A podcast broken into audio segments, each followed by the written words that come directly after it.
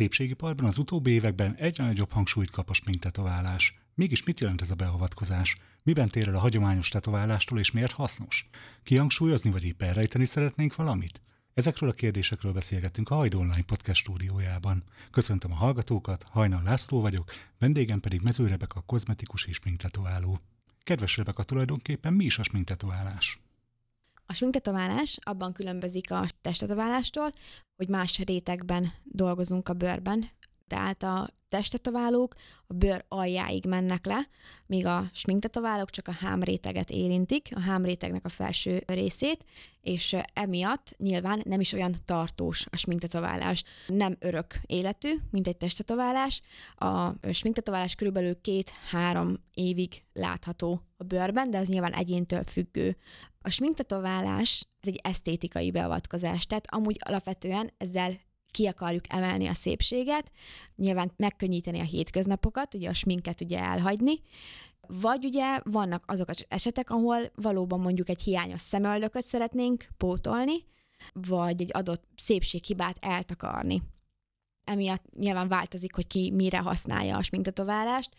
Alapvetően szerintem, ha jól van megcsinálva egy sminktetoválás, akkor az úgymond annyira jó, hogy, hogy pont üde és friss legyen a tekintete az embernek, hogy mindig rendben van az embernek a szemöldöke, hogyha fel kell kócosan, akkor is mindig a szemöldöke ívelt, szép vonalvezetéssel lesz, és mindig harmóniában lesz az arca, mondjuk a adott színekkel, ami az arcán van. Tehát igazából a sminktetoválás lényege szerintem ez ennek kellene lennie. Nyilván ez emberenként változik, hogy ki mire használja, én úgy tetoválok vendégeknek, hogy az hogy ilyen nappali sminknek feleljen meg, egy olyan üdességet adva az arcnak, hogy ez egy ilyen hétköznapi kinézetet adjon. A sminktetoválás általában a test mely területeit érinti? Csak az arcot, vagy egyéb helyeken is szoktak tetoválni? A sminktetoválás főként arcon, tehát szemöldök, szemhéj és szájterületen zajlik, de most már előfordul a hajszimuláció is, tehát a fejen hajat tetoválnak úgymond be, mondjuk, hogyha a kopaszodó férfiaknál hamarabb indul meg a kopaszodás, vagy már végbe is ment, akkor például lehet hajat is tetoválni, úgymond. Tehát ez a három terület, ami a sminktetoválást érinti. Ezen belül ugye korosztálytól is függ, hogy melyik a legelterjedtebb. Tehát a fiatalok szeretik a szemöldököt előnyben részesíteni, a szemhéjat már inkább inkább egy idősebb korosztály. A szájtetoválás pedig megint idősebb korosztály volt eddig, de most már, hogy nagyon nagy divatja lett ennek a szájfeltöltésnek, most már egyre többen csináltatják meg a szájukat is, tehát a fiatalok körében. Nyilván, ha szint használunk ugye a szájon, ad neki egy volument, anélkül, hogy fel kellene tölteni ugye a száját hialuronsavval. Szóval most már a száj az, az idősebbek és fiatalabb körben is elterjedt. Beszélt arról, hogy akár két-három évig is tarthat egy ilyen sminktetoválás. Mi történik akkor, amikor, amikor elrontják, vagy már nem tetszik, vagy éppen már nem képviseli az egyént, és szeretne mást? Ebben az esetben ugye kettő út van, egy jó és egy rossz. A jobbik út, amikor nyilván kikopik a sminktetoválás, és változtatni akarunk az adott formán vagy színen. Nyilván ebben is vannak olyan helyzetek, amikor mondjuk a sminktetoválás úgy kopik ki, hogy elszíneződik közben hogyha nagyon elszíneződik egy sminktetoválás, tehát láthatóan pirosas, zöldes, kékes, lilás, szürkés lesz, akkor megvan az a módja, hogy el tudjuk távolítani a sminktetoválást több opció is van, van lézeres eltávolítás, és van biokémiai eltávolítás.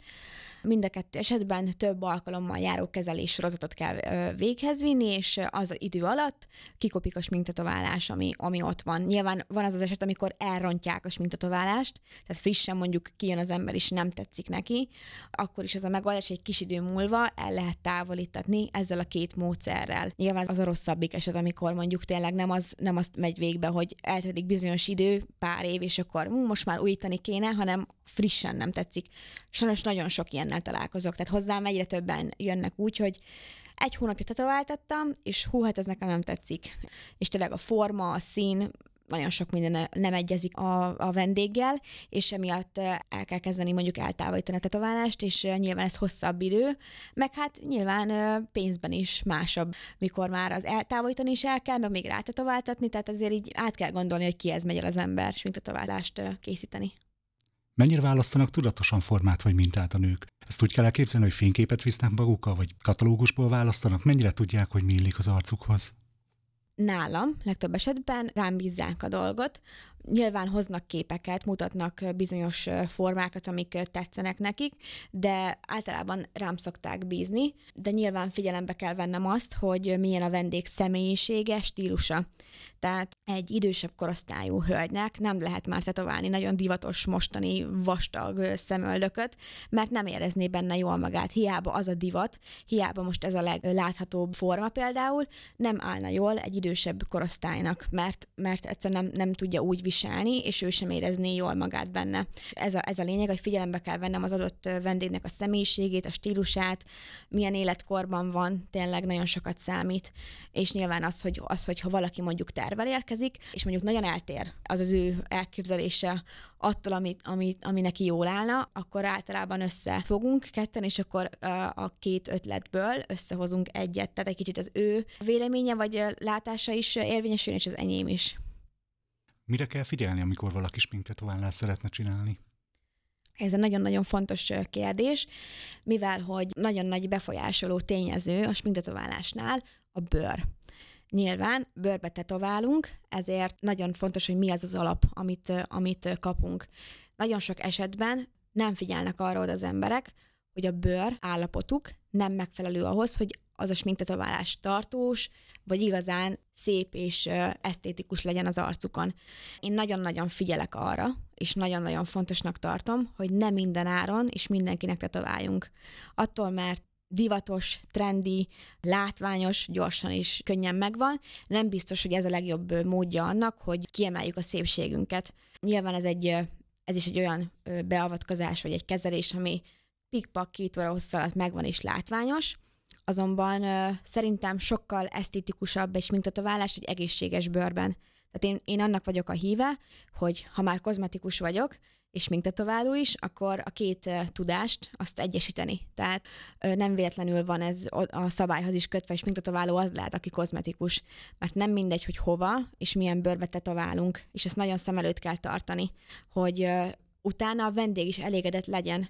Mert sajnos nagyon sok olyan eset van, hogy a bőre például ö, rozáciás hajszerértágulatot jelent, ugye, pirosságra, gyulladásra hajlamos a bőre, az ő bőrében a sminktetoválás nem biztos, hogy olyan tartós lesz, elszíneződik, általában hideg tartományba a szín, és, és nem, nem lesz vele megelégedve a vendég, mert, mert nem ilyen szint akart mondjuk az elején.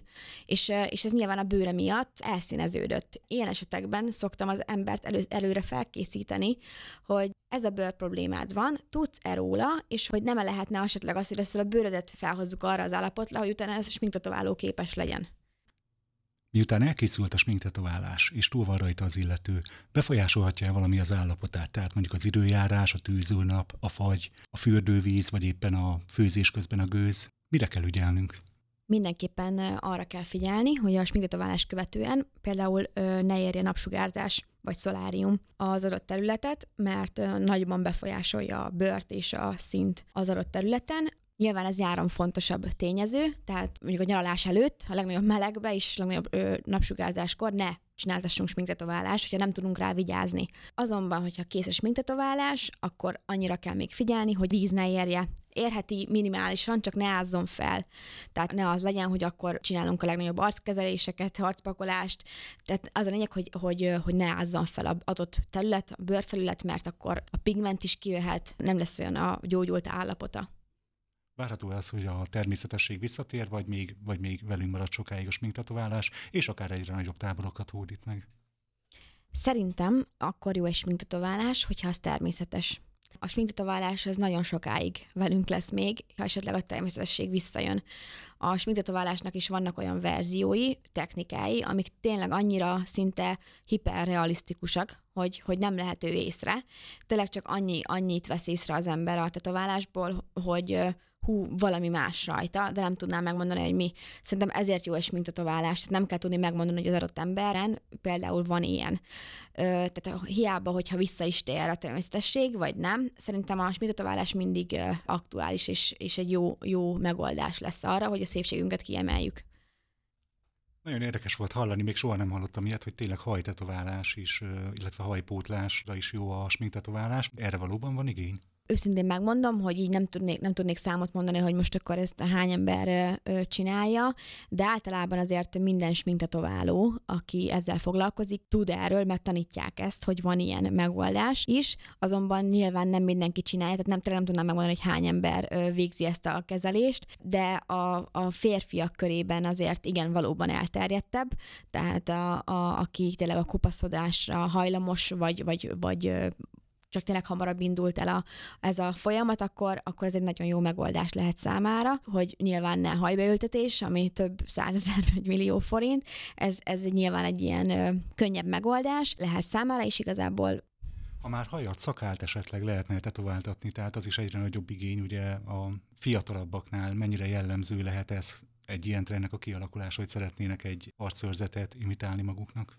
Én erről még nem tudok, per pillanat nem tudok róla, azt inkább festéssel szokták megoldani, hogy befestjük a szakállukat, és akkor meg a bőrüket, és akkor azzal így egy dúsabb szörzetet eredményezve. Arról még nem hallottam, hogy ott, ott tetoválnának tetoválók. Tehát konkrétan az arcszőrzetet festik, hogy dúsabbnak tűnjön, vagy Igen. az arcot? Hm? Igen, az arcszőrzetet festik be, és nyilván ezzel a bőrt is festik, és akkor egy ilyen eléggé, egy ilyen markáns ö, ö, arcot adva igazából az embernek. Kedves Rebeka, köszönjük szépen a válaszokat, és köszönjük, hogy befáradt a stúdióba. Én is köszönöm a meghívást.